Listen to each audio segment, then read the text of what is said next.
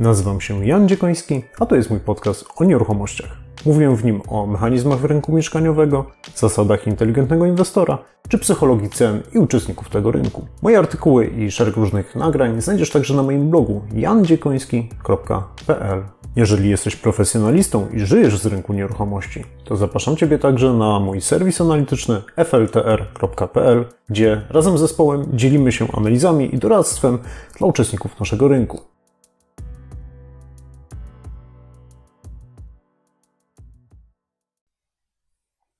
Cześć! Witajcie serdecznie na kanale Jan Dziekoński o nieruchomościach i FLTR. Dzisiaj chciałem z Wami kontynuować temat w co, jak, dlaczego inwestować. E, na samym wstępie, jeżeli jesteś pierwszy raz na tym kanale, zapraszam Ciebie serdecznie do subskrypcji. Zapraszam Was wszystkich też i proszę o lajka, łapkę w górę, jakikolwiek inny sposób wyrażenia e, tego, że tak, takie nagrania, te tematy są dla Was interesujące. A dla tych z Was, którzy prowadzicie mniej czy bardziej profesjonalny biznes nieruchomościowy, zapraszam też serdecznie na mój portal fltr.pl, gdzie mam po prostu dedykowany newsletter wersji darmowej dla przedsiębiorców, wersji płatnej dla osób, które chcą bardziej się zaangażować w rynek nieruchomości, potrzebują danych, analiz, rekomendacji, jak działać na tym rynku. Nie tylko dla właściwie przedsiębiorców nieruchomościowych, bo y, subskrybentami są też osoby prowadzące y, firmy budowlane, sprzedające materiały budowlane albo nawet je produkujące, rzeczoznawcy, agenci nieruchomości, wszyscy, którzy tak naprawdę y, żyją i działają na tym naszym rynku, jak nazywam go ekosystemem nieruchomościowym. O czym dzisiaj Wam opowiem? E, słuchajcie, w ostatnich dwóch nagraniach po pierwsze miałem możliwość e, jakby odbyć taki pojedynek z Robertem Jarczyńskim, z którym jakby potykaliśmy się e, na argumenty za i przeciw różnym e, klasom aktywów. To było już takie, można powiedzieć, bardzo szczegółowe nagranie, czy bardzo szczegółowa dyskusja, bo dużo ludzi się strasznie koncentruje na tym, czy inwestować w mieszkania, czy może w złoto, czy w jakieś inne rzeczy. Więc tamto nagranie oczywiście było poświęcone takim ciekawym dla wielu osób tematom. Natomiast moim zdaniem przy planowaniu strategii inwestycyjnej, czy jakiejkolwiek tak naprawdę strategii, no, trzeba zrobić kilka kroków wstecz. I drugie nagranie, o którym wspominam z moich ostatnich, było poświęcone sześciu ważnym decyzjom, jakie podejmuje się w momencie, kiedy budujemy strategię inwestycyjną. Z jednej strony e, to są takie decyzje, e, czy chcemy, żeby źródłem dochodu naszych inwestycji był cash flow, czy wzrost wartości, jak bardzo chcemy się angażować czasowo w zarządzanie tymi y, inwestycjami, jaką chcemy mieć strukturę portfela, w jaki sposób dobieramy w ogóle aktywa do tego portfela, e, czy z tłumem, czy kontrariańsko tak zwanie, e, z jakimi wartościami w ogóle budujemy ten cały portfel, no i jak bardzo chcemy też jakby zaangażować powiedzmy naszą głowę, czyli jak bardzo chcemy zbudować know-how na temat poszczególnych właśnie aktywów, które inwestujemy, czy klas aktywów. E, nie będę się na ten temat rozwodził, zapraszam Was w sposób do, do odsłuchania obu tych nagrań. E, linki znajdziecie też tutaj w opisie do tego nagrania. Natomiast dzisiaj chciałbym Wam opowiedzieć o tym, w jaki sposób, mając powiedzmy tak szeroką paletę różnych sposobów inwestowania, e, różnych powodów inwestowania, bo jeszcze w innym nagraniu znowu mówiłem o dziewięciu tak zwanych dlaczego, dziewięciu powodach, dla których można inwestować które, no znowu, moim zdaniem, jeżeli mamy uświadomione nasze powody, to co nas motywuje do inwestowania, czyli to co chcemy osiągnąć, czyli cele inwestycyjne, to one tak naprawdę stanowią punkt wyjścia. I to nagranie dzisiejsze będzie tak naprawdę trochę krok po kroku opowie, w jaki sposób ja do tego podchodzę. Opowiem trochę o tym, w jaki sposób ja swoją strategię zbudowałem i jakie portfele inwestycyjne tak naprawdę sobie ukształtowałem. Nie będę mówił Wam, w co inwestuję konkretnie. Nie, nie powiem, na której ulicy mam jakie mieszkanie, czy w jaką, jaką spółkę e, giełdową sobie ostatnio kupiłem, bo to nie o to chodzi. E, na ten temat jest szereg innych nagrań i na pewno na temat nieruchomości dedykowane nagranie też przygotuję. Natomiast chciałem powiedzieć o tym, o, o strategii. O, zaczynając właśnie od strategii, od tego, co jest tak naprawdę najważniejsze, bo później już kupowanie poszczególnych e, aktywów, no tak naprawdę można zautomatyzować, można wziąć, nie wiem, robodoradcę tak zwanego, można e, wziąć firmę, która pomoże Wam w sposób znajdowaniu mieszkań i tak dalej, to można zrobić bardzo mechanicznie. I oczywiście to też jest temat rzeka, w jaki sposób robić to skutecznie, no ale jeżeli nie będziemy mieli dobrej strategii, to, to niezależnie jak świetnie będziemy dobierać pojedyncze spółki, prawdopodobnie jest duża szansa, że rozminiemy się z naszymi celami. Więc zaczynamy. Strategia inwestycyjna, portfel inwestycyjny. Ja zaczynam przede wszystkim od tego, niezależnie czy buduję strategię dla dużej korporacji, e, strategię w ogóle biznesową, czy po prostu znajomemu, członkowi rodziny, koledze e, opowiadam, w jaki sposób mógłby zacząć inwestować, zaczynam od określenia celów tego, co chcę osiągnąć. I to nie tylko celów na zasadzie chcę mieć milion złotych na koncie, czy chcę być największą firmą na świecie, ale też takich celów wartościowych, wartości, jakości, jaką chcemy osiągnąć. O tym właśnie było to nagranie, o tych dlaczego. E, I celem tego, tego ćwiczenia jest to, żeby mieć świadomość, co chcemy osiągnąć, bo życie jest e, no, skomplikowane. Nie ma zarówno inwestycji, które, które realizują wszystkie cele, nie można mieć jednocześnie wszystkiego naraz z reguły. No niestety e, to jest trochę jak z wybieraniem kierunku podróży, czy tam biletu lotniczego. No możemy wybrać kierunek, czas, kiedy polecimy i, najniższą cenę. No i z reguły, jeżeli stwierdzimy, że chcemy lecieć w szczycie sezonu, do, na konkretny kierunek turystyczny, no to cena będzie wysoka. No to, to jest pewien niestety kompromis. Jeżeli chcemy mieć tani lot, E, i chcemy na pewno polecieć, nie wiem, do Hiszpanii, no to wybierzemy taką datę, którą no, po prostu wyszukiwarka w liniach lotniczych nam zaproponuje, a nie tą, którą koniecznie my chcemy. No, to znaczy, jakieś kompromisy musimy ponosić. I tak samo jest z tą strategią inwestycyjną. E, I ja mam jakby w swojej strategii, czy tak kierując się tymi dziewięcioma dlaczego, e, ponieważ chcę kilka z nich osiągnąć. Chciałbym osiągnąć przede wszystkim Spokój psychiczny, to było siódme, dlaczego? Zapewnienie spokoju psychicznego. Po wielu latach doświadczeń e, pracy zawodowej, wtedy kiedy był kryzys, kiedy nie było kryzysu, kiedy chciałem nie pracować, chciałem mieć trochę wolnego, doświadczyłem to, że e, inwestycje dają mm, nie tylko tam pieniądze, jakieś konkretne liczby na koncie, ale dają pewną jakościową, taką, taki komfort jakościowy, spokój psychiczny, to, że mam zapas pieniędzy, czy to właśnie na, na jakąś przerwę, w, że tak powiem, w pracy zawodowej, czy też e, nic się nie stanie, jeżeli ktoś mnie wyrzuci z pracy, czy moja branża, jeżeli powiedzmy prowadzę biznes, moja branża popadnie w jakieś tam recesję, e, czy też zachoruje, co niestety też się zdarza na co trzeba być gotowym. Więc ja sobie powiedziałem, dobra, moje inwestycje, mój sposób inwestowania przede wszystkim ma mi dawać spokój psychiczny, to znaczy Miałem już doświadczenia prowadzenia nie mojej firmy. Teraz zresztą też prowadzę firmę. To już dostarcza wystarczająco przygód jakby w życiu. E, uprawiam sporty ekstremalne. Też mi dodaje dużo emocji, więc po stronie inwestycyjnej sobie podjąłem decyzję, że mm, jakaś część inwestycji no po prostu musi być dla mnie komfortowa psychicznie. Ona musi mieć z jednej strony dawać ten komfort, z drugiej strony musi być tak skonstruowane, czy z takich klas aktywów musi się składać, żeby nie musiał się budzić w nocy i zastanawiać się, czy kurczę, sprzedać te akcje, czy je kupić, czy nie wiem, co z tym mieszkaniem się dzieje, z daną inwestycją, yy, budynkiem, budowlą i tak. Więc to był jeden z celów, yy, jako jeden z takich składowych do, do budowania portfela inwestycyjnego.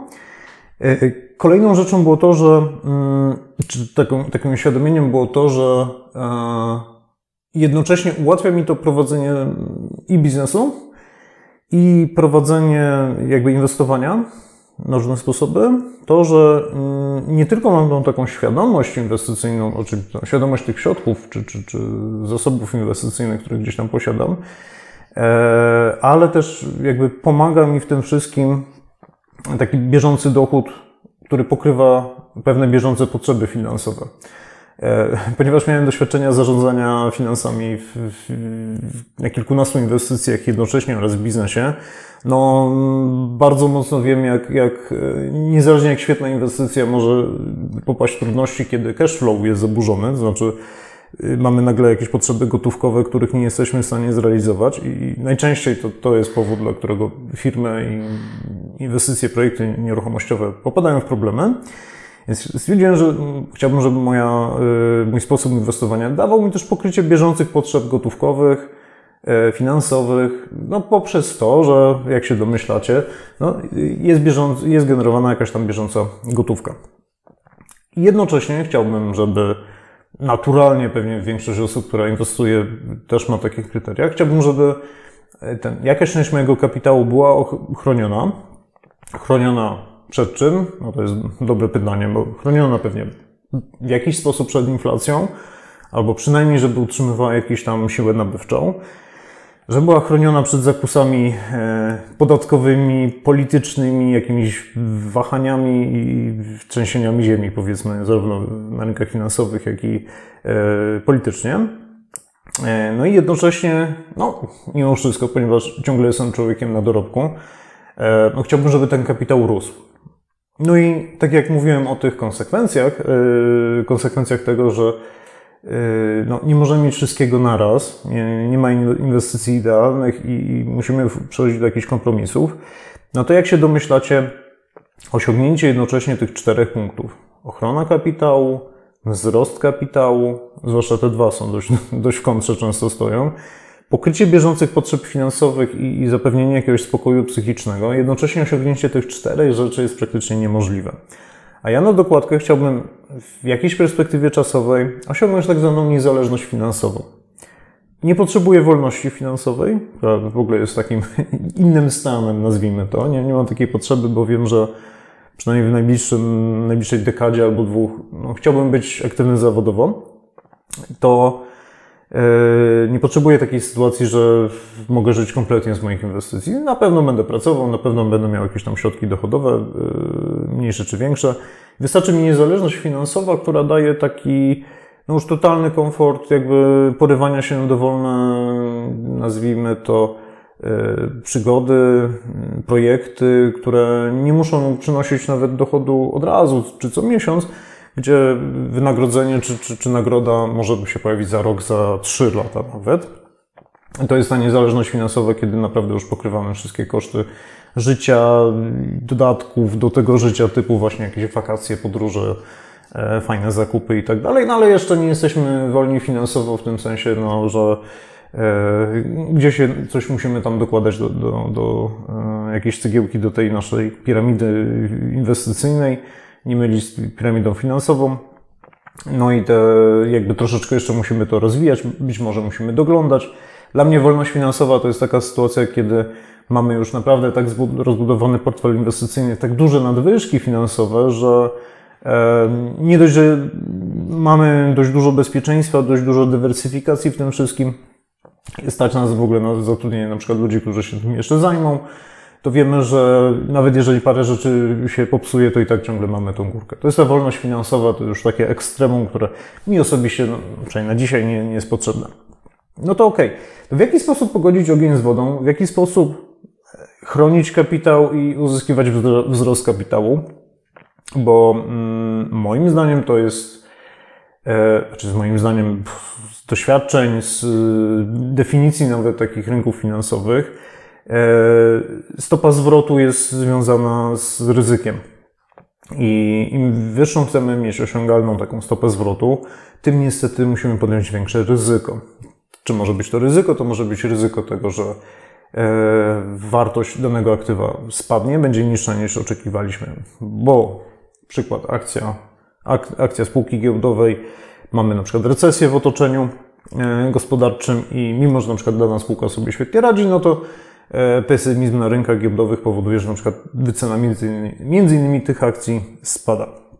To jest jakieś tam ryzyko. Czy to jest ryzyko takie, że chcemy mieć e, wysokie dochody na przykład z najmu krótkoterminowego? Super, bo on daje z reguły wyższe stopy zwrotu w porównaniu do zwykłych mieszkań na wynajem.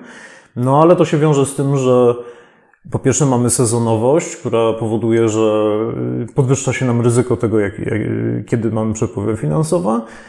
Jest wyższa amortyzacja takich mieszkań.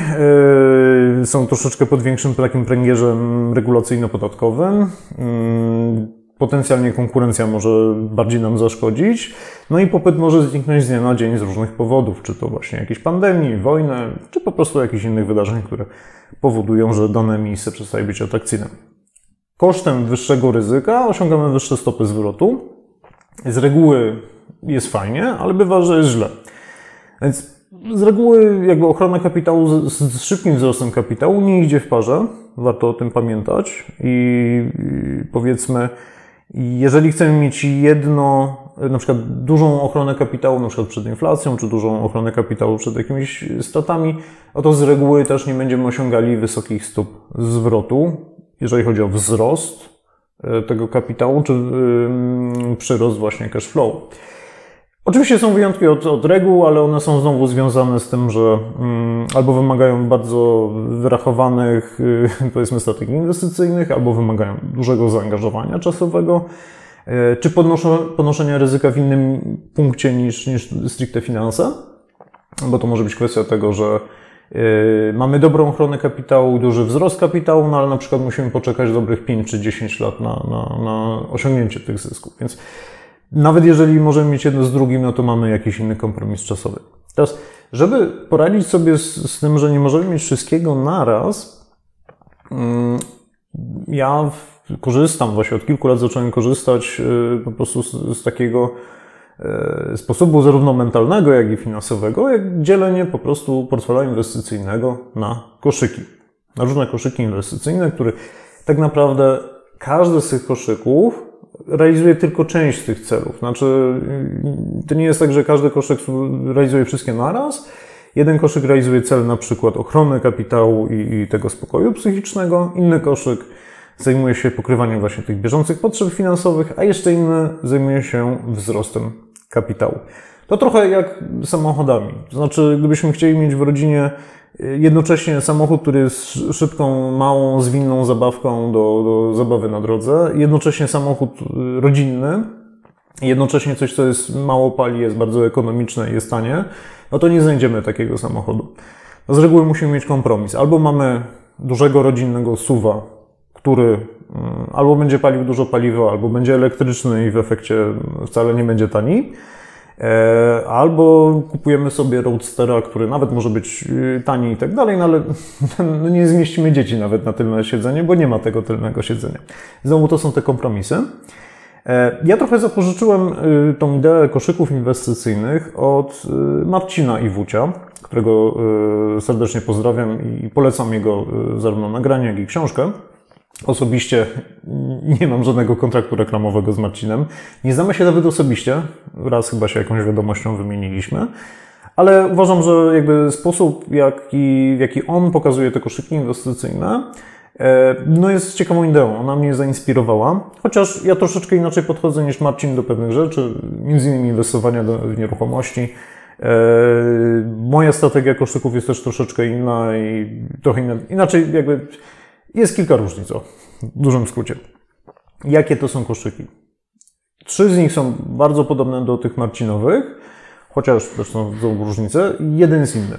Po pierwsze mam poduszkę bezpieczeństwa, która właściwie to, to nie Marcin ją wymyślił, no bo to jest taka raczej, powiedziałbym, uniwersalna zasada i wiele osób, y, i to w Polsce, i powiedzmy zagranicznych jakby kanałach poświęconych inwestowaniu też o tym wspomina. Poduszka bezpieczeństwa to jest punkt jeden. Drugi koszyk u mnie to jest koszyk cashflowowy, czyli inwestycji, które przynoszą bieżący cashflow. Trzeci koszyk to jest koszyk poświęcony wzrostowi kapitału, takiemu bardziej spokojnemu, defensywnemu czy emerytalnemu. I tu też jest podobieństwo do tego koszyka marcinowego. E, I czwarty koszyk to jest koszyk krótkoterminowy, agresywny, czy też spekulacyjny, który u Marcina też się pojawia, e, chociaż najmniej o nim też opowiadam. Teraz, jakie, jakie role te, te koszyki u mnie spełniają? Poduszka bezpieczeństwa, tak jak się domyślacie, to jest ten element odpowiadający za spokój psychiczny, czyli to, że mogę spać spokojnie, jeżeli chodzi o jakiekolwiek takie, można powiedzieć, jednorazowe wydarzenia. I jednocześnie zapewnia to tak zwane pokrycie bieżących potrzeb finansowych w razie, gdyby coś się wydarzyło. Gdybym zachorował, gdybym musiał się zająć nie wiem, chorym członkiem rodziny, nie mógł pracować i tak dalej. E, I w tym koszyku, co jest ważne, kompletnie nie interesuje mnie jakiś wzrost kapitału, jakaś tam niezależność finansowa, jakieś ego, jakaś pasja i tak dalej, podążanie za tłum. Nie, nie, nie. To, to, jest, to jest koszyk, który mam bardzo jasne yy, zadania. On po prostu pełni te, taką rolę jak, nie wiem, ubezpieczenie. E, ubezpieczenie samochodu, domu czy, czy ubezpieczenie na życie. Nie oczekujemy od tych rzeczy, że one będą jakieś piękne, super, y, prestiżowe i w ogóle. Nie, nie, nie. One mają jeden konkretny bardzo cel. W momencie, kiedy po prostu występuje jakieś zdarzenie, one mają zadziałać, mamy dostać wypłatę naszego ubezpieczenia, ma być komfortowo przy okazji i tyle. Więc taka jest tego rola. Oczywiście chciałbym, żeby ta poduszka bezpieczeństwa no, nie traciła w czasie jakby na wartości, czyli no fajnie, gdyby ten kapitał, który jest w poduszce bezpieczeństwa, żeby był jakoś tam chroniony, ale nie będzie mnie bolało, jeżeli na przykład co jakiś czas będę musiał dosypać do tej poduszki bezpieczeństwa, no bo tak jest z elementami, które, które odpowiadają za nasze bezpieczeństwo. Czasami trzeba w nie zainwestować. I ja jestem z tym ok. Natomiast ona jest ograniczona w czasie e, i wartości. W czasie w tym względzie, że wiele osób mówi, że poduszka bezpieczeństwa powinna dawać 3 do 6 miesięcy mm, komfortowego życia, czy powiedzmy życia na jakimś tam stałym standardzie. Jest w ten sposób to obliczają. Ja obliczam, ja przyjąłem, że u mnie ta poduszka bezpieczeństwa jest troszeczkę większa. Y, ona jest obliczona na jakieś 6 do 9 miesięcy y, życia.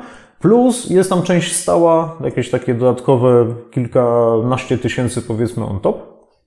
Po to, że no, życie znowu mnie nie, jakby nauczyło tego, że jak jest pech, jak musimy sięgać właśnie po takie zasoby, no to z reguły to jest coś na tyle poważnego typu e, nie tylko straciliśmy pracę, ale jednocześnie nam, nie wiem, połamaliśmy nogi i jeszcze trzeba pół domu wyremontować, bo z reguły te pechy chodzą jakby parami nieszczęścia i dlatego jest ta część stała. I u mnie osobiście ona jest głównie zainwestowana w e, obligacje antyinflacyjne, może nie antyinflacyjne, tylko te indeksowane inflacją, e, emitowane przez Skarb Państwa. E, bo dla mnie to jest najprostsze znowu narzędzie, które po pierwsze mogę spieniężyć w ciągu kilku dni. To jest też dla mnie ważny jakiś argument, e, czy, czy ważny aspekt tworzenia poduszki bezpieczeństwa, że ona musi być dość szybka do, do uruchomienia. To nie może być, yy, powiedzmy, inwestycja, którą, żeby ją spieniężyć, potrzebujemy pół roku, albo żeby ją spieniężyć szybko, to musimy dać 20% rabatu albo tracimy jakieś tam dochody i tak dalej. Nie, to musi być element, który, taka klasa aktywów, która po pierwsze można ją szybko uruchomić e, i nie tracimy przy okazji naszych, naszych dochodów. No to akurat nie będę się rozwodził długo, dlaczego te obligacje inflacyjne w miarę dobrze się sprawdzają. Natomiast część tych środków to są po prostu też e, lokaty, czy, czy pieniądze ulokowane na jakieś krótkoterminowe papiery wartościowe. Nie wchodząc w szczegóły, każdy z Was może sobie dobrać jakieś inne narzędzia czy klasy aktywów, które będą sobie tutaj y, dobrze radziły, no ale na koniec dnia to się sprowadza pewnie do tych rozwiązań, które są bezpieczne, czyli znowu albo emitowane przez Skarb Państwa, znowu nie wchodząc w dyskusję, na ile Skarb Państwa jest bezpieczny, czy też sektor bankowy. No znowu, y, oczywiście wiemy, że banki potrafią upadać. Mieliśmy dużo przykładów ostatnio ze Stanów Zjednoczonych.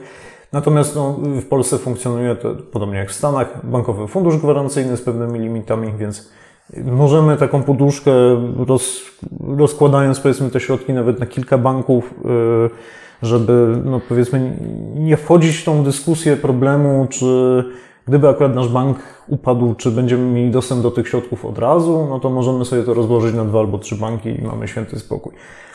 Prostota, chodzi o prostotę przede wszystkim, łatwość szybkiego uruchomienia tych środków.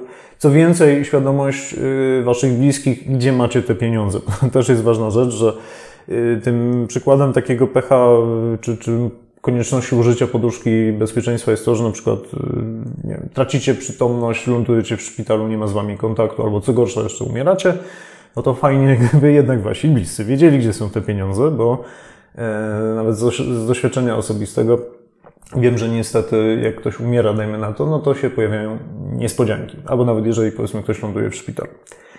To jest poduszka bezpieczeństwa tu zachęcam każdego z Was do tego, żeby taką poduszkę mieć.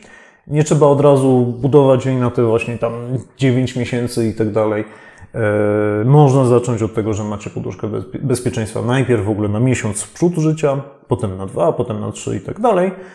E, ale jednak zalecam do tego, zachęcam do tego, żebyście po prostu tą poduszkę zbudowali jako taki ten pierwszy element y, waszego powiedzmy planu inwestycyjnego. Jak ją macie zbudowaną, łatwiej też zdecydowanie myśli się o kolejnych inwestycjach, podejmowaniu trochę wyższego ryzyka, bo wiecie, że w razie czego macie ten e, element. Jak już zbudujecie, to pojawiają się te kolejne koszyki, które już mają bardziej e, jakby zaawansowane cele. I dla mnie tym drugim koszykiem właśnie był ten koszyk cashflowowy. Koszyk, który, którego celem jest przede wszystkim pokrywacie, pokrywanie bieżących potrzeb finansowych. Oczywiście to mi przy okazji daje, jeżeli jakieś inwestycje z tego koszyka wypłacają mi regularne dochody, to z reguły tak działają troszeczkę finanse. Zapewniają one też ochronę kapitału, i oczywiście ten spokój psychiczny mi daje ten, ten bieżący cash flow. Niektóre z nich być może będą nawet szybko rosły w, jakby w wartości, ale to nie jest celem. Celem tego koszyka jest to, żeby przynosił regularnie, czyli co miesiąc, co kwartał, co pół roku, co rok, ale w przewidywalnych jego odstępach czasowych, bardzo konkretny i wymierny e, pieniądz, cash flow właśnie, czyli przepływ gotówkowy, który ja wykorzystuję na pokrywanie pewnych y, kosztów życia. Oczywiście to, to jest jakiś tam mentalny, czy, czy w głowie powiedzmy rachunek, bo to nie jest tak, że czekam na przelew, dajmy na to z dywidendy, czy z jakiejś obligacji, żeby zapłacić za rachunki. Jak nie dostanę tego przelewu, to go nie zapłacę. Mam też inne źródła dochodowe, ale tworzę sobie jednak w głowie taki układ, że aha, moje życie, na przykład e, koszt wynajmu mieszkania, czy koszt raty kredytu za mieszkanie, rata za samochód, dajmy na to, czy jakieś tam paliwo, tak zwane życie, czyli zakupy spożywcze, wiem, czasem może wyjście do jakiegoś tam kawiarni, do restauracji, do kina i tak dalej. Takie bardzo powtarzalne i nie jakieś tam super wykręcone i nie wiadomo jak swawolne po prostu wydatki. Widzę, ile one mniej więcej yy, kosztują miesięcznie. Próbuję dopasować moimi inwestycjami cashflowowymi pokrycie coraz większej puli tych y, wydatków. Celem oczywiście jest to, żeby w pewnym momencie te inwestycje cashflowowe pokrywały wszystkie te koszty. Dojście do takiego elementu to jest ten moment osiągnięcia takiej niezależności finansowej. E, I teraz jeden powie, no tak, ale, ale po co ci ten cashflow regularny, skoro możesz też inwestować jakby w, w, nie wiem, w akcje, które rosną z wartości, też możesz je co jakiś czas sprzedawać i jakby pokrywać te koszty. No tak, no, oczywiście można w ten sposób to, to, robić i w ten sposób zresztą się często układa mm, portfele inwestycyjne emerytalne właśnie na przykład w Stanach Zjednoczonych, czy to o czym mówi y, Marcin, to też tak bardziej wygląda. Natomiast y, ja osobiście no, lubię mieć ten cash jednak na koncie. To jest z jednej strony mm, taki element psychologiczny, to łatwiej mi po prostu mentalnie po prostu połączyć jedno z drugim. Łatwiej zarządzać też tymi pieniędzmi, bo nie, nie muszę ich wydawać, znaczy jakby wydaję konkretny pieniądz, więc widzę, kiedy on mi się kończy. W momencie, gdybym miał wydawać pieniądz z akcji, które na przykład mam sprzedać za jakiś czas, hmm, można trochę przesadzić wtedy i, i wydać ich za dużo. Yy, to też ułatwia perspektywę cashflowową, to znaczy mm, w zarządzaniu finansami czy inwestycjami, no oczywiście wzrost wartości czy, czy wynik inwestycji ma znaczenie, no ale też przepływ gotówkowy też ma znaczenie. To, o czym mówiłem na początku, że wiele inwestycji, wiele firm popada w problemy nie dlatego, że ma zły biznes, tylko źle zarządzało gotówką. Jak mam aktywa, które generują cash, jestem w stanie łatwiej zarządzać yy, moją gotówką. I co więcej, to są yy, aktywa, w przypadku których, skoro już powiedzmy dobrałem te aktywa do portfela, wiem, że one już sobie tam są, tak, poszczególne klasy aktywów, ponieważ ich celem jest produkowanie gotówki, ja nie muszę się zastanawiać, przynajmniej zbyt często, czy, yy, czy je muszę sprzedać, czy to jest ten moment na sprzedawanie. Właściwie to ja ich nie chcę sprzedawać. Jeżeli one są, jakby generują tą gotówkę w odpowiedni sposób, nie, nie ma jakichś zagrożeń, dlatego że y, tej gotówki będzie znacznie mniej w przyszłości, to tak naprawdę one tam sobie mogą siedzieć po czasy i najchętniej temu się w ogóle nimi nawet nie zajmował, o ile ta gotówka ciągle jest, jest generowana. E, I jedyną właściwie taką najlepszą, jedyną sensowną jakby metodą wyjścia z tych inwestycji W momencie, kiedy ok, one dobrze pracują, a mimo wszystko chciałbym wyciągnąć z nich wartość, to nie jest sprzedaż w ogóle takich aktywów, tylko ich zadłużenie. Wyciągnięcie środków poprzez y, dług, refinansowanie, y, czyli w przypadku na przykład nieruchomości mogłoby to być pożyczka hipoteczna czy kredyt hipoteczny w określonych warunkach. E, w przypadku, dajmy na to, akcji, możliwe jest zastawienie akcji i tak dalej. Nie, wchodźmy tutaj w szczegóły. Ale y, pojawia się pytanie oczywiście, jakie to są w takim razie klasy aktywów? No i tutaj padło kilka już nazw. I pierwszą, oczywiście taką no, dość istotną i naturalną, nawet po nazwie mojego kanału, yy, klasą aktywów są nieruchomości. I tu już mówię z jednej strony szeroko nieruchomości, bo to mogą być zarówno lokale mieszkalne, jak i lokale użytkowe, czy takie jak lokale handlowe, gdzie yy, różne sieci handlowe tego, tego typu lokale wynajmują. Czasami to są po prostu lokalna gastronomia, czy lokalne jakieś małe usługi. Przy czym to są nieruchomości generujące cash. Czyli muszą być wynajęte, wydzierżawione. Ktoś musi z nich korzystać. To nie są nieruchomości, które są zamknięte na, na y, cztery spusty, czyli jakieś puste mieszkanie, które rzekomo ma zyskiwać na wartości, albo jakiś grunt, który leży odłogiem i nawet nie da się go wydzierżawić. No nie, to są konkretne nieruchomości, które konkretne y, cashflow przynoszą.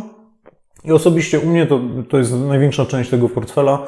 E, to są takie nieruchomości, do u mnie akurat mieszkania na wynajem, które są o tyle fajne i wdzięczne, że to po prostu tak samo jak nasze koszty często są miesięczne, one też płacą z reguły miesięcznie, jeżeli nie ma żadnych perypetii z najemcami, dzięki czemu najłatwiej właśnie takimi nieruchomościami tutaj sobie połączyć koszty z przychodami. E, mogą to też być, i u mnie też to są e, spółki stricte dywidendowe, czyli takie, które mają bardzo długie, długą historię wypłaty dywidendy, gdzie powiedzmy ta dywidenda jest bardziej przewidywalna, Chociaż y, w porównaniu na przykład do mieszkań, niestety spółka dywidendowa już nie daje, y, powiedzmy, aż takiego, jakby to powiedzieć, takiej przewidywalności, bo mogą być takie wydarzenia jak COVID, który był w 2020, y, e, wstrzymał dywidendy wśród wielu spółek, które od 20 lat na przykład dywidendy płaciły. To był pierwszy rok na przykład, kiedy ta dywidenda nie była wypłacona. Obecnie też spowolnienie gospodarcze powoduje, że część spółek dywidendowych e, obniża jakby swoje plany dywidendowe. E, no i wreszcie, przynajmniej wśród polskich spółek dywidendowych, no, regułą raczej jest wypłata dywidendy raz na rok, co nam utrudnia troszeczkę łączenie tego z, jakby, z naszymi kosztami. Trochę lepiej natomiast jest ze spółkami zagranicznymi, zwłaszcza amerykańskimi, gdzie e, wypłaty dywidendy są znacznie bardziej regularne, są czasami co kwartał, nawet czasami co dwa albo jeden miesiąc. W efekcie możemy tutaj e, znacznie łatwiej to dopasować do naszych kosztów. No i powiedzmy, nie wchodząc w większe dyskusje, spółki dywidendowe dobrze dobrane w, w ciekawych modelach biznesowych, no mają tendencję do tego, żeby mm, szybciej, jakby żeby ta dywidenda rosła szybciej niż na przykład dochody właśnie z nieruchomości. No ale mamy oczywiście te ryzyka, które tutaj się na to nakładają. Elementem, który też dzisiaj jest całkiem fajny, w perspektywie cashflowowej, to są y, różnego rodzaju obligacje. Mm, skarbowe w mniejszym stopniu, w większym stopniu korporacyjne, które e, też wypłacają regularne odsetki, które, znowu, to już jest klasa aktywów, która generuje jeszcze większe ryzyka niż y, spółki dywidendowe, tutaj kwestia też ochrony kapitału jest troszeczkę bardziej pod znakiem zapytania, ponieważ no, spółki, e, przepraszam, obligacje korporacyjne no, mają niezerowe ryzyko tego, że nie zobaczymy naszych środków. Mi się kiedyś zdarzyło, że no, przez to, że właściciel danej firmy był oszustem po prostu w dużym skrócie, jest albo został już złapany, albo jest poszukiwany, ale jakieś tam drobne pieniądze na jakichś obligacjach straciłem. Więc to się niestety też zdarza. I to też trzeba gdzieś mieć wpisane e, w model biznesowy, jakby inwestowania w obligacje i być może po prostu tego nie robić. Natomiast dzisiaj faktycznie przy sytuacji, kiedy WIBOR jest na poziomie około 7%, no to faktycznie z tej klasy aktywów można wykręcić całkiem sensowne, mm, powiedzmy, poziomy odsetkowe. Natomiast to jest dzisiaj. Za nie wiem, 5 lat może się okazać, że obligacje y, już nie są tak dochodowe przez to, że na przykład spadną stopy procentowe, Znowu, zupełnie inna dyskusja. Natomiast to nie jest taka klasa aktywów, na której się można oprzeć jakby totalnie i wyłącznie, ponieważ chociażby mm, obligacje też nie są jakby wieczne. No, z wyjątkami jakichś tam tak zwanych perpetuity, albo obligacji austriackich, one chyba na 100 lat były wyemitowane, to jednak te obligacje po, jak, po iluś latach są wykupywane, no i trzeba znowu coś zrobić z tymi pieniędzmi. Więc to jest jakiś taki minusik obligacji i u mnie na przykład one raczej yy, stanowią takie uzupełnienie tego portfela, czy takie krótkoterminową wykorzystanie jakichś możliwości. No i w takich obszarach są też inwestycje typu private debt, czyli y, prywatne pożyczki, y, jakby lokowanie pieniędzy jakby na, na projekty, dajmy na to inwestycyjne, no których jakby ryzyko, y, ryzyko powiedzmy już jest na tyle wysokie i przewidywalność jakby wypłat cashflowu jest na tyle niskie, że no de facto one już nie są cashflowowe, one już bardziej powinny być w kategorii inwestycji tych takich bardziej krótkoterminowych. Natomiast faktycznie, jeżeli by sobie poskładać taki portfel z iluś tych rzeczy, no to one też mogą sobie tutaj kontrybuować do, do tego naszego cashflow. Czyli to był portfel numer dwa, portfel cashflowowy. U mnie przede wszystkim jednak mimo wszystko poskładany z nieruchomości oraz ze spółek dywidendowych.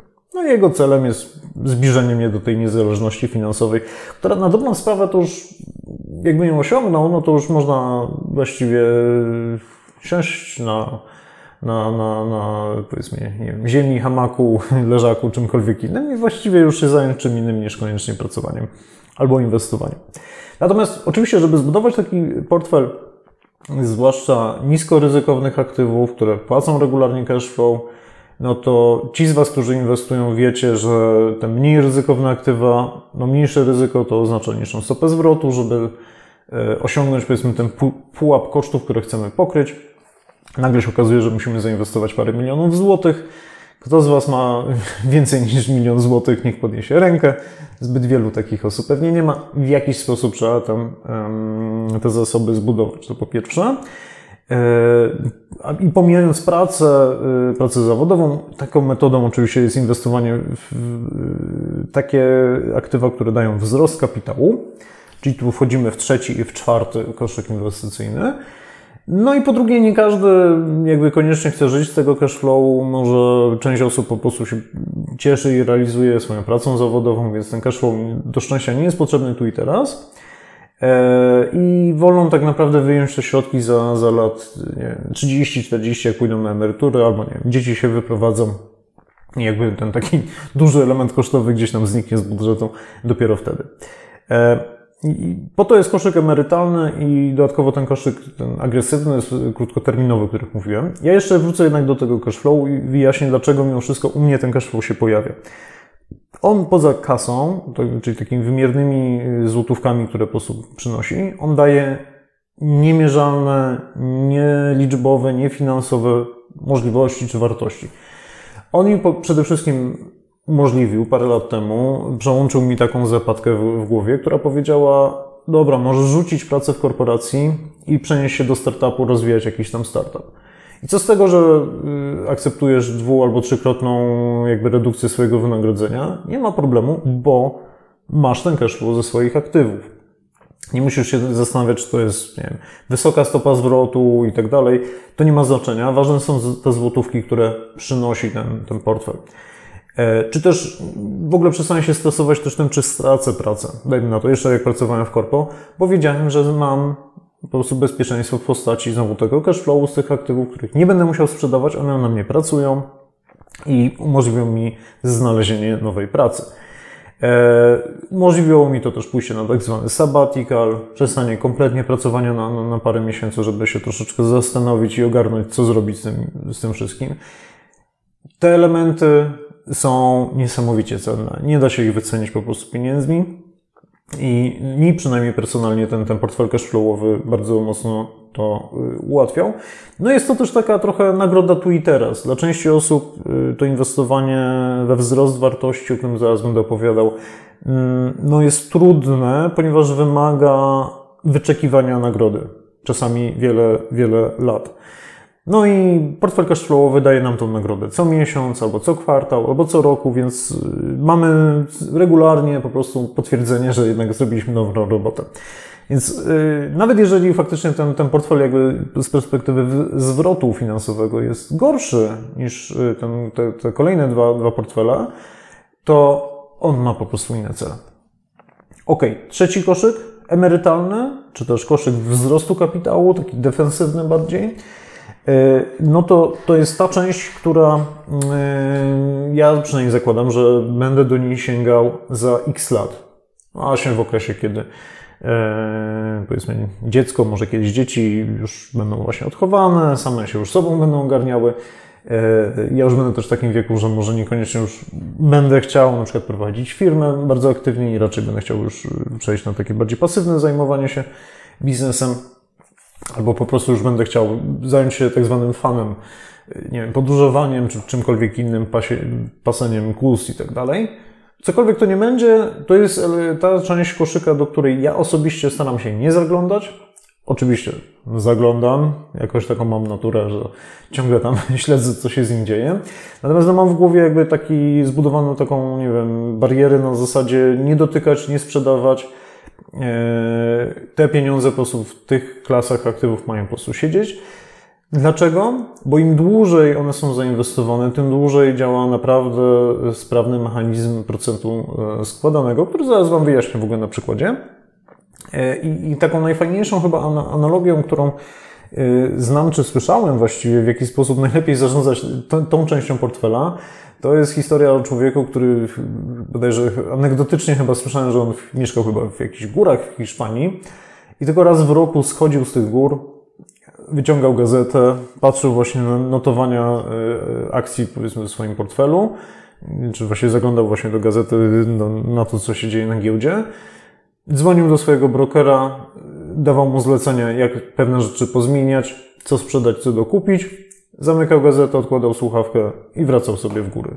I przez rok nie robił nic. To jest najlepsza metoda i często mm, też takie anegdoty, które ja słyszałem na przykład w podcastach poświęconych właśnie inwestowaniu w Stanach, no to e, często okazywało się, że najlepsze wyniki e, inwestycyjne osiągały portfele osób, które zmarły. Dlaczego? Bo te osoby po prostu nic nie zmieniały w tych portfelach i te pieniądze po prostu były zainwestowane w te same spółki cały czas i tak naprawdę ten, ten pieniądz najlepiej rósł. W przeciwieństwie do osób, które próbowały w jakiś sposób aktywnie tam działać tym portfelu, tu sprzedały, tam kupiły i tak dalej. E, nie wchodząc w duże szczegóły, aktywny trading jest skomplikowany i większość osób na aktywnym tradingu nie zarabia dobrze. E, tak zwany timing the market Czyli wychwytywanie tych górek dołków na, na rynku jest ultra skomplikowane. To znaczy profesjonaliści tego dobrze nie robią, co widać też po wynikach na przykład funduszy inwestycyjnych. No to jak ty, biedny Kowalski, masz być w tym lepszy? I to jest po prostu sposób raczej inwestowania taki ultra pasywny. Ustalasz jakąś strukturę portfela, inwestujesz w jakieś klasy aktywów w w tą strukturę i zamykasz oczy. Co, co ma się dziać, to się dzieje. Z, regularnie, co jakiś czas oczywiście tam zaglądasz do tego portfela, żeby sprawdzić, czy na przykład dana jakaś tam spółka nie, nie popadła w jakieś tam gigantyczne problemy. No ale co do zasady, reguła raczej jest taka, że tylko dosypujesz pieniądze, yy, powiększając w sposób ten, tenże portfel. Yy, Marcin Iwucz, o którym wspominałem na początku, on bardzo, mm, powiedzmy, aptekarsko podchodzi do budowy tego portfela. Są konkretne struktury, y, klasy aktywów i tak dalej, które proponuje. E, regularność, z jaką tam się zagląda i tak dalej. No, ja podchodzę do tego szczerze trochę bardziej tak na, na, na, na chillu, nazwijmy to. To znaczy, y, wiem, że jest tam kilka klas aktywów, które po prostu chciałbym, żeby tam się znalazły. E, inwestuję w te aktywa, ale nie bawię się w jakiś tam dokładny rebalancing i dbanie, żeby to, to po prostu były zachowane jakieś tam mniej, mniej czy bardziej dokładne proporcje tych aktywów. E, trochę wynika to z tego, że mam ten portfel cashflowowy, więc trochę się mniej tym muszę martwić, znaczy nie stawiam wszystkiego na tą kartę emerytalną, to raz. E, dwa, wydaje mi się, że jeżeli zainwestujemy w dobre aktywa, no to po prostu wszystkie w jakiś sposób tam wygrają. Trzecia rzecz jest też taka, że e, ta perspektywa za 20 czy tam x lat, kiedy ja będę wyciągał środki z tego portfela, jest tak oddalona, że to dla mnie troszeczkę ma wtórne znaczenie, jakby czy tam naprawdę będzie plus 2% więcej, czy mniej. Oczywiście ktoś mi udowodni, że 2% rocznie to jest kupa kasy, oczywiście, ale szczerze, w perspektywie 20-30 lat, no trudno przewidzieć, co będzie y, zarówno ze mną, jak i jakby y, z perspektywami poszczególnych klas aktywów. że nie wchodzę jakby w takie, w takie jakby dysputy. Dla mnie, no naprawdę, to, to jest ta część, która powinna być jednak mimo wszystko pasywna. No i tutaj, yy, i tutaj z jednej strony inwestowanie w tą klasę wymaga właśnie trochę takiej odroczenia takiej nagrody, zachowania takiej trochę zimnej krwi, bicia się po rękach, nazwijmy to, czy trzymania tych rąk pod, pod, pod pośladkami po prostu, żeby nie, nie dokonywać nagle jakichś tam głupich sprzedaży akcji, bo widzicie, że na przykład akcje danej waszej spółki gdzieś tam super wzrosły, więc ją sprzedajecie. Mi się to zdarzyło nawet w tym roku. E, za karę, znaczy za karę. Kupiłem akcję pewnej polskiej, bardzo fajnie, bardzo fajnej, dynamicznej spółki, która bardzo fajnie się rozwija. Zrealizowałem w ciągu roku wzrost e, wartości chyba 70%. Stwierdziłem, kurczę, no to nie no, super, to ja to po prostu sprzedam i za chwilę odkupię taniej, bo na pewno potem spadną. Oczywiście efekt był taki, że e, akcje tej spółki nie spadły do takiego poziomu, do jakiego chciałem, ale w ramach nauczki, nauczki odkupiłem je drożej. Dokupiłem ich więcej w efekcie też, ale przy okazji więcej y, kupiłem tych akcji, bo stwierdziłem, że no po prostu to jest tak fajna spółka, że chcę mieć ją po prostu po czasy w portfelu i, i nigdy więcej po prostu jej nie sprzedam, bo znowu nie chodzi mi o to, żeby wypuścić z rąk coś, co jest, co jest dobre. Nie chodzi mi też o to, żeby tam dokręcić jeszcze 1, 2, 3 punkty procentowe. To mnie tego nauczyło. No i tak jak właśnie usłyszeliście, spółki wzrostowe Mm, czy spółki, które mają fajny potencjał do tego, żeby powiększać skalę swojego biznesu, to dla mnie to jest, powiedzmy, ulubiona część yy, jakby aktywów, która powinna trafiać do, do tej części emerytalnej. Czyli te spółki, które mają taką perspektywę, że w ciągu właśnie tych 20-30 lat one jeszcze urosną, jeszcze yy, poprawią swoje wyniki. No i w jaki sposób właśnie ten wzrost jest osiągany, w jaki sposób ten procent składany działa. E, bo y, często to są spółki, które nie płacą dywidendy, albo y, dywidenda to jest tylko mniejsza część realizacji zysków tej spółki. To są spółki przede wszystkim, które inwestując pieniądze nie w wypłatę dla akcjonariuszy, ale z powrotem w biznes są w stanie osiągać y, po prostu wyższą stopę zwrotu.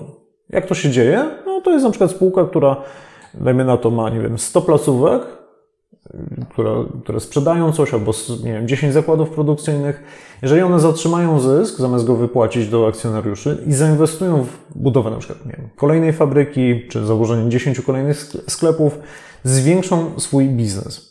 I z reguły jest tak w biznesach, to oczywiście analiza fundamentalna poszczególnych spółek y, Wam to może pokazać. Z reguły mimo wszystko jest tak, że inwestowanie z powrotem w biznes daje lepsze stopy zwrotu niż wypłacenie po prostu kasy, którą wy potem musicie zainwestować znowu w coś, co ma niską stopę zwrotu.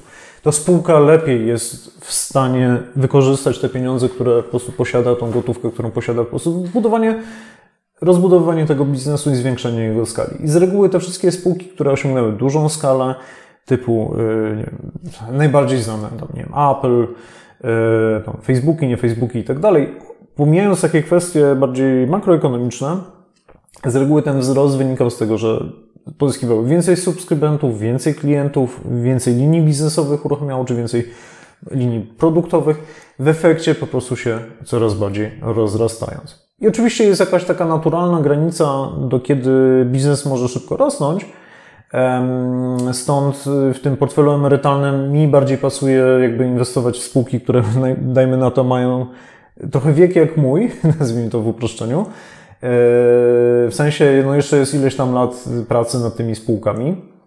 E, przez to jeszcze mają dużą perspektywę na rozwinięcie swoich skrzydeł.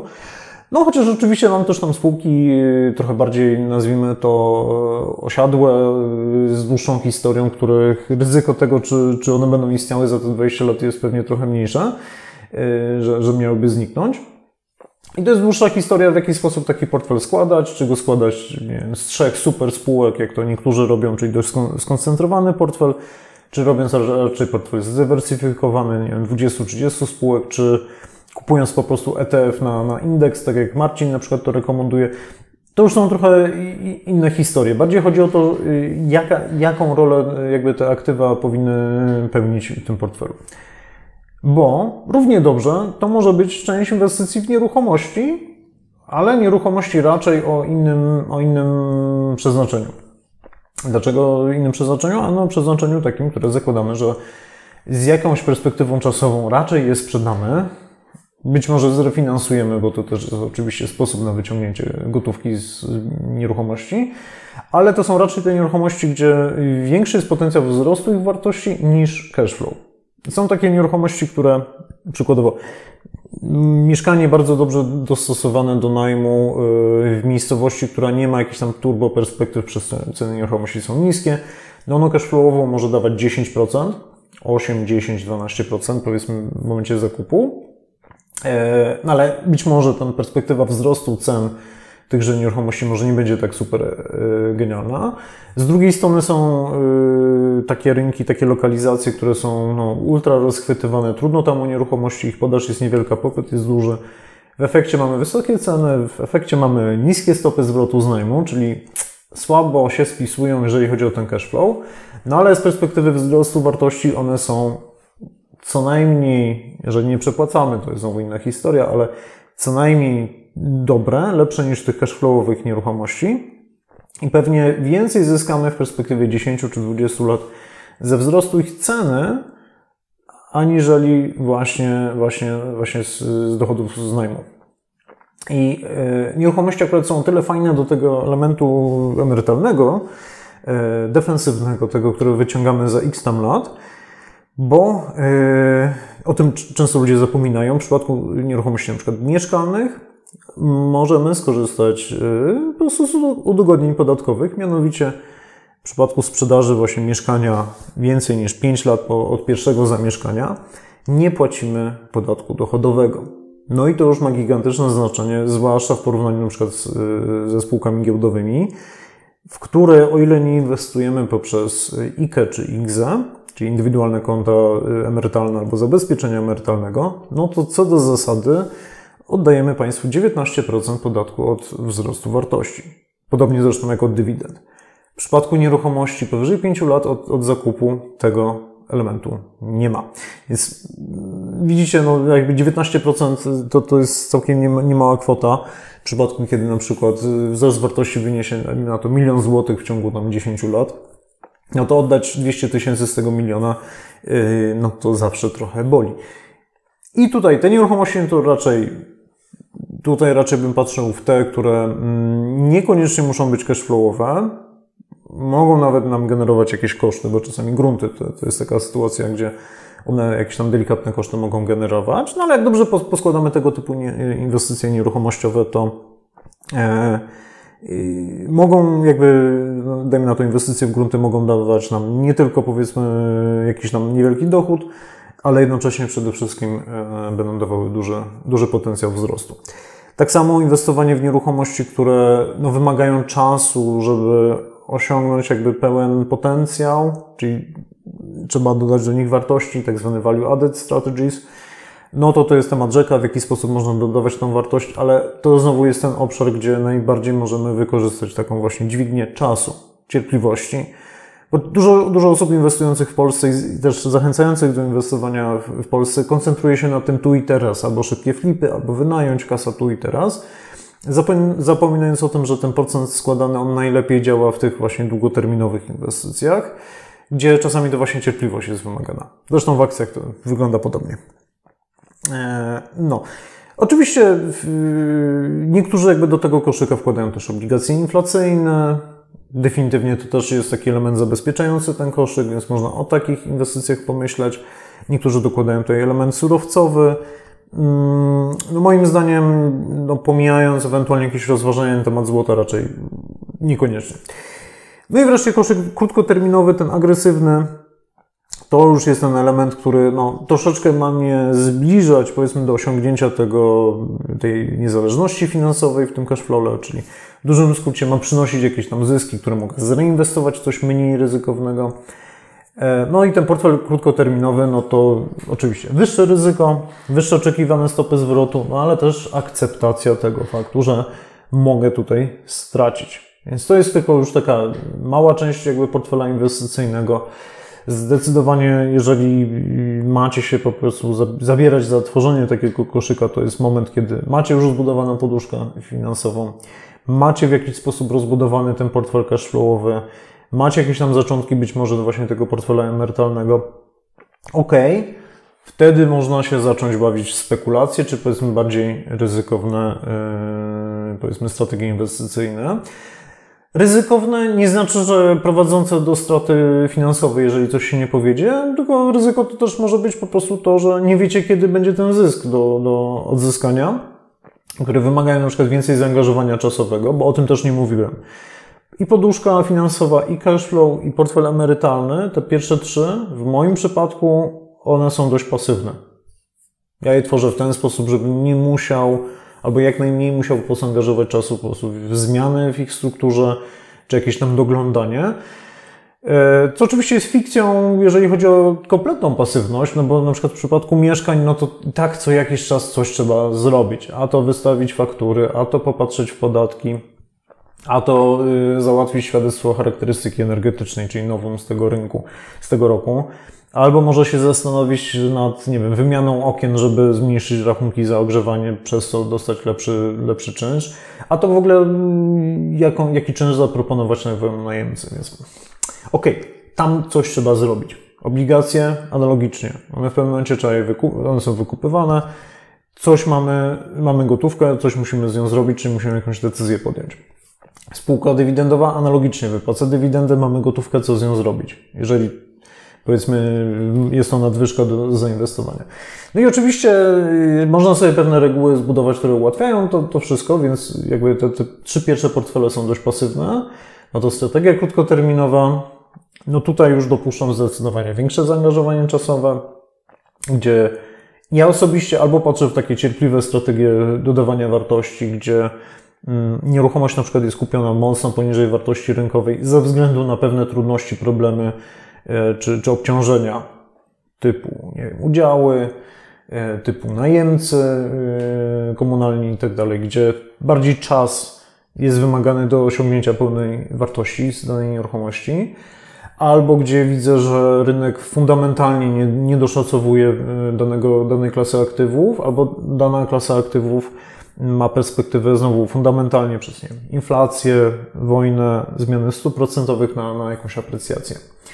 E, jakie to są klasy aktywów? No to już, to już jest temat rzeka i tu pewnie każdy może sobie dowolnie jakby swoje preferencje, tą bliskość tej strefy komfortu, tej specjalizacji swojej powiedzmy znajdować. Ja lubię y, sytuacje typu distressed assets, na przykład y, w obligacjach. Ostatnio mi się właśnie udało parę złotych zarobić właśnie na obligacjach pewnej spółki, która no, przez chwilę było duże obawy, czy, czy ona w ogóle przetrwa. E, obecnie one są praktycznie już notowane po nominale, więc to była jakaś udana inwestycja. W zeszłych latach to były inwestycje na przykład w commodities, które też realizowałem, mm, czy też e, osobiście od jakiegoś czasu e, mam takie bardziej makro podejście na indeks S&P 500, a właściwie to, że on spadnie. Mm, wszyscy o tym, znaczy opowiadałem o tym na, na, na poprzednich jakichś webinarach w górę czy w dół. Nie ma co się rozwodzić na ten temat, ale to jest tego typu inwestycja, która mm, w krótkim terminie no, może dać fajne zwroty, ale niekoniecznie y, to jest inwestycja na 20 lat, albo zdecydowanie nie jest dobrą inwestycją na 20 lat. E, czy takie okazje, które przychodzą na przykład z tego, że e, nie wiem, przez chwilę jakaś dana spółka ma, ma dołek cenowy, wiemy, że fundamentalnie jest fajna, ale po prostu jakiś sentyment od, odpłynął, albo nagle się pojawia zapowiedź znowu rządzących, że coś się zmieni, na przykład pojawi się jakiś bezpieczny kredyt, no i nagle akcje jakiejś tam konkretnej grupy spółek, no w tym przypadku deweloperskich, nagle odlatują w kosmos bez jakiegoś tam połączenia z rzeczywistością. I to już niestety jest bardziej aktywne, bardziej wymagające czasu poświęcenia, e, jakby też takiej fokusu. Więc jeżeli prowadzicie na przykład biznes i fokusujecie się na biznesie, no to być może dodatkowo rozpraszanie się na jakieś inwestycje może Wam trochę zabierać tej, tej efektywności prowadzenia biznesu. Więc no to już każdy musi indywidualnie do tego podejść, bo równie dobrze tym krótkoterminowym, czy tam takim bardziej agresywnym sposobem inwestowania może być po prostu prowadzenie biznesu bo nie ma lepszej inwestycji, e, powiedzmy, swoich środków, niż inwestycja we własny biznes. A niektórzy mówią, że w naukę, edukację i tak dalej. E, no nie zgodzę się. Dopiero wykorzystanie tej nauki, wiedzy do prowadzenia biznesu, czyli na przykład, nie wiem, flipowanie, czy, czy robienie inwestycji deweloperskich, czy właśnie przeprowadzenie, powiedzmy, taki bardziej aktywny trading na, na, na rynkach finansowych, to, to są krótkoterminowe rozwiązania. W sensie zysk mamy w krótkim terminie, mimo że możemy to prowadzić jako biznes czy sposób na życie. No ale one wszystkie wymagają po prostu dużego zaangażowania czasowego. Więc ani flipping, ani deweloperka, ani trading to nie są inwestowa- to nie jest inwestycja pasywna w żadenkolwiek sposób. To jest na koniec dnia prowadzenie po prostu biznesu, czy bardzo aktywne po prostu angażowanie swoich środków finansowych. Więc to, to trzeba troszeczkę odróżnić. I znowu, jeżeli we waszych, wracając do tego, o czym mówiłem na samym początku, czyli dlaczego inwestujemy, jeżeli my mówimy, że inwestujemy po to, żeby mieć trochę świętego spokoju, spokoju ducha i tak dalej, no to zdecydowanie lokowanie znowu 90% na przykład te krótkoterminowe aktywa nam tego nie przyniesie i co więcej jeszcze będziemy zapracowani. Natomiast no, ja to robię troszeczkę dla fanu, więc tych dlaczego wymieniałem też takie rzeczy jak, jak ego, czy jakieś tam zabijanie wolnego czasu. Akurat nie mam wolnego czasu, ale, ale pasja bardziej chyba jest e, odpowiedź, dlaczego się też bawię w takie krótkoterminowe elementy. Natomiast w większości, moim zdaniem, przypadków e, nie jest to konieczne do szczęścia żeby być tak bardzo aktywnym na, na, na rynkach finansowych czy, czy nieruchomościowych, bo po prostu być może z Waszej codziennej pracy no, osiągniecie znacznie lepsze po prostu przychody niż tam z jakiegoś flipa czy czegokolwiek innego. Więc na koniec, kończąc, podsumowując troszeczkę y, ten, ten, to nagranie, y, budowanie strategii zaczynamy od określenia naszych celów czy naszych powodów, dla których inwestujemy. Później, ja, ja to rekomenduję, później staramy się ułożyć czy dobrać takie koszyki inwestycji, które wybrane z tych powodów realizują, czyli jeden koszyk realizuje nie, powód pierwszy i drugi, koszyk B y, realizuje powód trzeci i czwarty. Znaczy nie staramy się, żeby wszystko załatwiało wszystko na raz, y, jednak jakby przypisujemy koszyki do poszczególnych celów Dopiero później ustalamy jakieś zasady, reguły y, kierujące tymi koszykami czy portfelami inwestycyjnymi i dopiero później dobieramy do tego klasy aktywów i dopiero potem konkretne aktywa. Czyli zupełnie na odwrót niż, niż wszyscy rekomendują. Z reguły YouTube, na YouTubie, czy na jakimś tam Spotify'u, czy, czy na Facebooku usłyszycie metody inwestuj w mieszkania takie i owakie, no tak, ale fajnie, ale to, to trzeba sobie najpierw odpowiedzieć na pytanie znowu, czy nam to pasuje do tych naszych portfeli inwestycyjnych, a w efekcie, czy realizuje nasze cele inwestycyjne. Jeżeli znowu ktoś mówi inwestuj w takie spółki albo inne, no moim zdaniem to też jest po prostu e, słaba rada, bo najpierw musimy się zastanowić znowu, co my chcemy, jaki w efekcie chcemy zbudować, jaki chcemy zbudować portfel inwestycyjny, dopiero później dobieramy klasę aktywów. Do tego Was zachęcam, żeby najpierw myśleć o naszym portfelu inwestycyjnym, za, jakby zainwestować czas po prostu w zaplanowanie tego, bo to robicie raz, a dobrze i co najwyżej co, co parę lat, co parę kwartałów jakby być może sprawdzacie, czy, czy czego, czegoś byście nie zmienili, ale to jest podstawa. Dopiero od tej podstawy idziecie dalej. Tak samo jak prowadzicie biznes, no to to odróżnia firmy duże, skuteczne, y, powiedzmy zaawansowane czy, czy, czy rentowne od tych, które działają chaotycznie, że mają jakąś strategię, cele, które chcą osiągnąć i konkretne ścieżki dojścia do tych celów. Bo inaczej po prostu, y, można powiedzieć, kręcimy się w kółko w jednym miejscu i tak naprawdę tracimy czas na sprawy operacyjne. E, więc dziękuję Wam serdecznie za, za odsłuchanie tego nagrania. Mam nadzieję, że Wam się podobało. E, jeszcze raz, jeżeli nie, nie daliście łapki w górę, nie kliknęliście serduszka, to serdecznie Was zapraszam do polubienia tego yy, nagrania i zasubskrybowania mojego kanału. No a jeżeli szukacie bardziej profesjonalnej wiedzy poświęconej rynkowi nieruchomości, biznesowi nieruchomościowemu, strategii na rynku nieruchomości i w połączonych, jakby powiązanych branżach, to zapraszam Was serdecznie do wejścia na moją stronę fltr.pl, stronę mojej firmy doradczej, zasubskrybowanie newslettera no i być może kontakt, jeżeli możemy Tobie w jakiś sposób pomóc. Dziękuję serdecznie i do usłyszenia.